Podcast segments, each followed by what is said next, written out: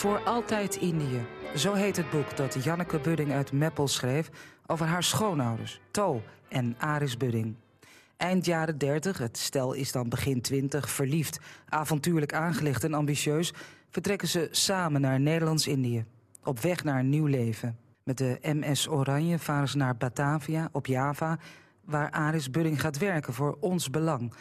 Een verzekeringsmaatschappij met overzees een kantoor in Bandung. Ons Belang betaalt de overtocht en het is ook meteen de huwelijksreis voor To en Aris. En wat voor een! Het schip was niets minder dan een varend luxe hotel. Op de kade klinkt het Wilhelmus en de passagiers worden uitgezwaaid door de achterblijvers. Aan boord genieten ze en leren alvast wat woorden Maleis, want een nieuw leven wacht op ze in Indië. Bijna tien jaar later keren ze terug naar Holland en in die tien jaar breekt de oorlog uit en zitten To en Aris Budding in verschillende jappenkampen opgesloten. De periode drukt een stempel op de rest van hun leven, hoewel ze er zelden over vertellen. Na hun overlijden is er dan dat persoonlijke archief met vele getuigenissen van wat To en Aris in die tijd is overkomen. En schoondochter Janneke legt het allemaal vast. In Voor Altijd Indië. Een verhaal over een reis die begint in 1939.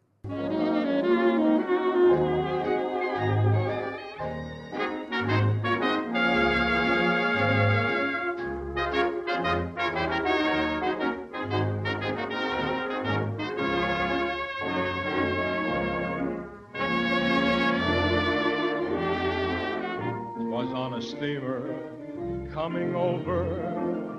Life began all anew. A perfect sea, a sunny sky, for there was she and there was I. De terugvaart is natuurlijk ook wel een, een schril contrast met de heenreis. De heenreis aan boord van het luxe schip, je zou kunnen zeggen een cruise schip eigenlijk, hè, de Oranje.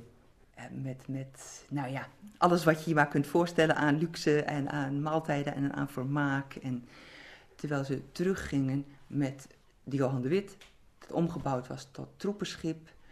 Ehm, ze waren, de man en vrouw waren gescheiden. Uh, ze waren in het ruim. Uh, daar waren hangmatten. Het licht bleef de hele nacht aan. Dus je kunt je wel voorstellen dat dat uh, niet bepaald een comfortabele overtocht was. Waarbij natuurlijk ook ziekte, mensen waren allemaal zwak, hadden ziektes. Mazelen is daar ook uitgebroken. Um, dat dat uh, uh, ook wel een beproeving was. En zo kwamen ze terug, in Holland, zoals dat heette. En in die bijna tien jaar tussen heen- en terugreis was de wereld zoals die bestond compleet veranderd. En het leven van To en Aris Budding ook.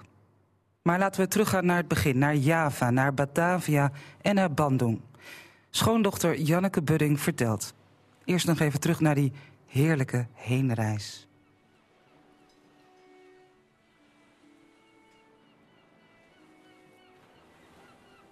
Maar het was een, uh, een, een luxe leven aan boord. Ze reisden tweede klas. We hebben zelfs uh, tussen hun documenten, we hebben de rekening nog gevonden. Uh, mijn hoofd te zeggen was het 1390 gulden die de zaak betaalde. Uh, en daar hadden ze een dinner at the captain's table. en uitge zeer uitgebreide maaltijden, dektennis. En nou ja, dat was een hele luxe, hele luxe reis. Hele luxe reis. Wel lang en langer natuurlijk ook. Uh, dus ze waren ook wel blij dat ze dan in Bandung aankwamen. En Bandung was in die tijd echt, eigenlijk een heel Europese uh, stad. Het werd wel het, het, Parijs van Java genoemd. En als je, zoals wij dan ook de, de, de gemeentegids uit die tijd hebben... en uh, een kaart waar allerlei reclames op staan... De, de namen van de zaken zijn Nederlands. Dus het was, het was eigenlijk een ja, grotendeels, hè, in elk geval wat de midden- en bovenlaag betreft, was, dat, was het een Nederlandse stad. Um, en daar zijn ze, afhankelijk was het de bedoeling dat To niet zou werken. Per slot, een getrouwde vrouw die werd eigenlijk niet geacht te werken uh, in die tijd. Maar ze had aanvankelijk had ze ontzettend heimwee. Ze zei, ik was net een spons. Als je, erbij, als je dan kwam het er al uit, de tranen. En toen heeft, uh, heeft uh, de baas die heeft gezegd van, weet je wat, uh, kom jij ook maar werken op kantoor. Heb je ook afleiding. Nou, en dat heeft geholpen. Ze hadden gauw contacten met andere Nederlanders die ook later in Amersfoort en een hele Indië-tijd vrienden zijn gebleven. En ook in Amersfoort. Dus toen was ze wel gevestigd daar. In deel 1 hoorden we hoe To en Aris Budding in 1939, jong, gelukkig, net getrouwd, op een luxe oceaanstomen naar Nederlands-Indië vertrokken. Aris ging er werken voor een verzekeringsmaatschappij, Ons Belang. Hun verhaal, voor Altijd Indië, wordt verteld door schoondochter Janneke Budding uit Meppel, die er het gelijknamige boek over schreef.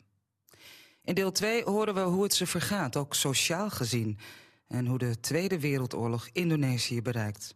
We gaan naar Bandung, een mondaine stad in die tijd. Even een stukje muziek uit die dagen om in de sfeer te komen. Terug naar 1939.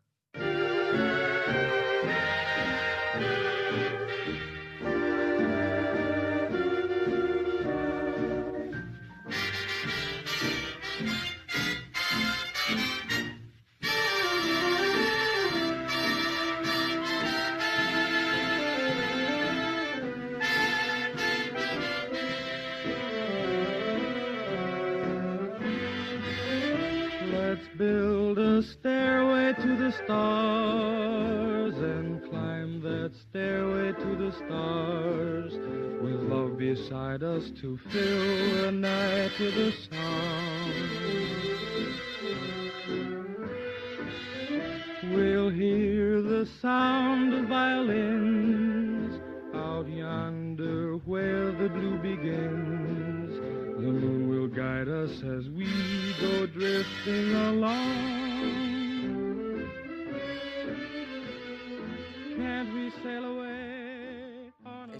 Contacten met Nederlanders, Nederlandse vrouwen ook, die daar al langere tijd woonden. Waar, en ze ging ook, uh, uh, dat was denk ik mm, niet heel gebruikelijk. Ze ging zelf, ook wanneer ze niet werkte, ging ze zelf naar de markt, de Passar. Daar ontmoette ze ook weer uh, andere Nederlandse vrouwen. Dus dat, die contacten, dat, en, en, het duurde denk ik niet zo lang dat ze zich daar wel senang voelde, hè, om dat woord te gebruiken. Ze woonden, uh, hun woonruimte was al uh, helemaal geregeld door ons belang. ze woonden boven de zaak.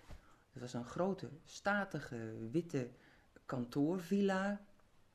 En het grappige is dat wij zijn, Frank en ik, zijn in 2013 terug geweest naar Indië, naar Java, in hun voetsporen.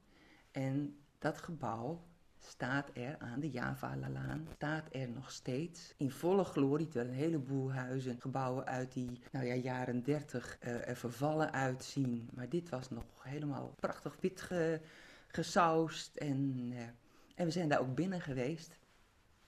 Goed, en er zit nog steeds een levensverzekering, een verzekeringsmaatschappij in.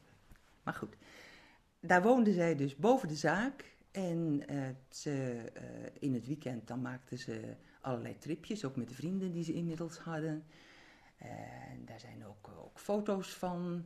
Dat, uh, dat die een idee hadden van hoe het leven in Indië daar was. Want bijvoorbeeld bij een, en dan staat er uh, dan staat een van hen, uh, die ik geloof dat het To is, die staat dan bij een uh, bananenboom en daar staat dan pisang ondergeschreven in haar handschrift. Trouwens, voor haar en voor ons eigenlijk ook, is een banaan altijd een pisang gebleven. Nou, ik heb hier dan wat, je ziet hier een foto van Ares ook bij een inlandse boom, bij een pirangboom staat daar. En To, die staat hier bij palmbomen. En uh, hier zijn nog Er zijn ook, bij de, de, er zijn ook foto's van het, het interieur van het huis trouwens. Een foto van uh, dat ze op de passar is in, in Bandung met witte handschoentjes aan. Dus dat is, dat, deze foto's die had ik in elk geval nooit gezien. Frank die kende ze dan wel, Maar, eh, en je hebt hier, ik zie hier een foto van de slaapkamer, waar natuurlijk zou ik zeggen een klamboe omheen hangt tegen de muskieten. In hoeverre ze de dreiging, hè, de mobilisatie was natuurlijk uh, al van kracht toen ze naar Indië gingen.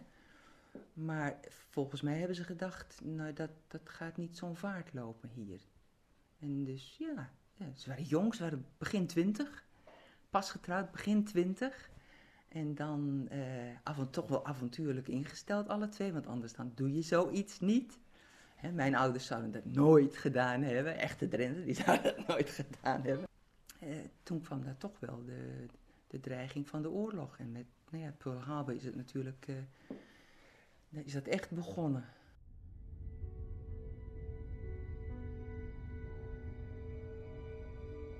And now we take you to Honolulu.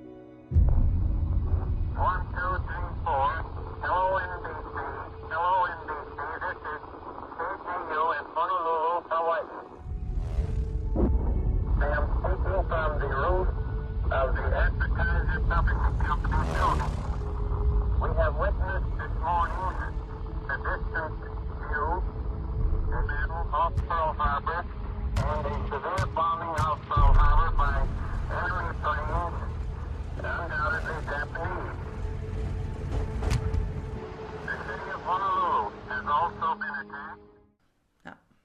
en toen werd het, uh, het, het, het Indische leven werd, uh, wel, wel heel anders. Niet alleen voor hen natuurlijk, maar voor, ja, voor iedereen die daar woonde. Of dat nou de, de Europeanen waren of dat dat de, Indonesiërs waren. Uh, dat werd voor iedereen anders. Het, om te beginnen, het, het kantoor functioneerde niet meer.